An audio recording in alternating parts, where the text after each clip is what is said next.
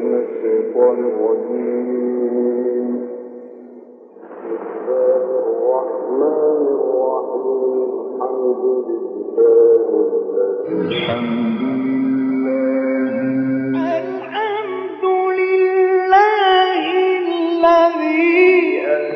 على عبده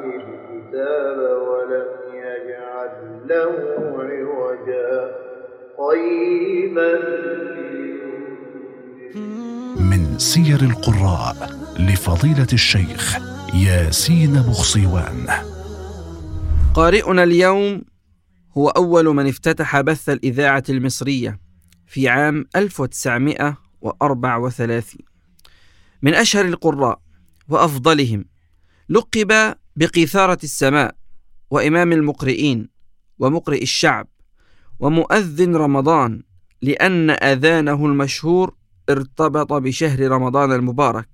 إنه فضيلة الشيخ القارئ محمد رفعت.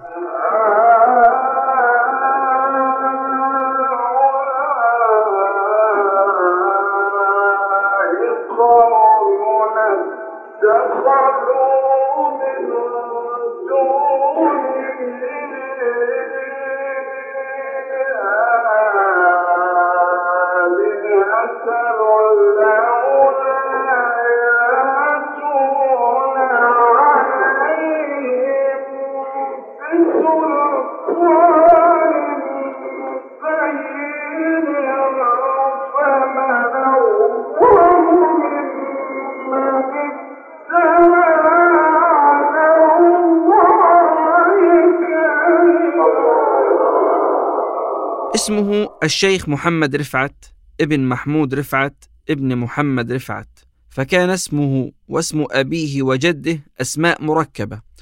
ولد يوم الاثنين التاسع من مايو عام 1882 بدرب الأغوات بحي المغربلين بالقاهرة وفقد بصره صغيرا في الثانية من عمره. بدأ الشيخ الجليل حفظ القرآن في سن الخامسة عندما أدخله والده كتاب بشتاك الملحق بمسجد فاضل باشا بدرب الجماميز بالسيدة زينب.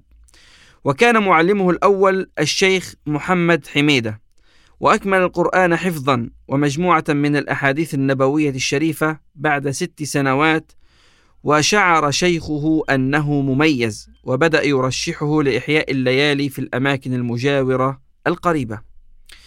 تولى القراءة بمسجد فاضل باشا بحي السيدة زينب في عام 1918 من الميلاد. وعين قارئا للسورة ولديه خمسة عشر سنة. فبلغ شهرة ونال محبة الناس. وحرص النحاس باشا والملك فاروق على سماعه. واستمر يقرأ في المسجد حتى اعتزاله. من باب الوفاء للمسجد الذي شهد ميلاده في عالم القراءة منذ الصغر.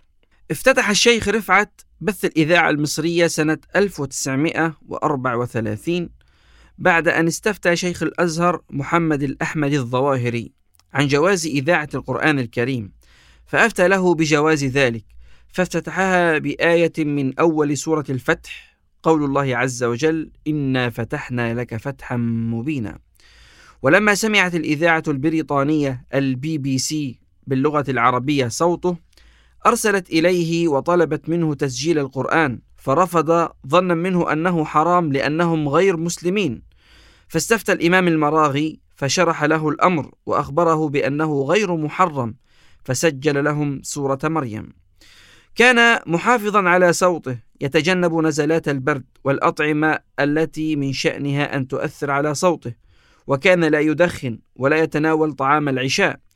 ويعد الشيخ أبو العينين شعيشع من المتأثرين بتلاوة الشيخ محمد رفعت وصوته شديد الشبه به حتى أن الإذاعة المصرية استعانت به لتعويض الانقطاعات في التسجيلات كما يعد الشيخ محمد رشاد الشريف مقرئ المسجد الأقصى من المتأثرين بقراءة الشيخ محمد رفعت.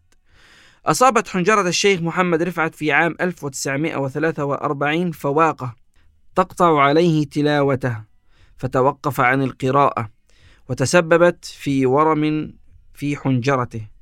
يعتقد أنه سرطان الحنجرة.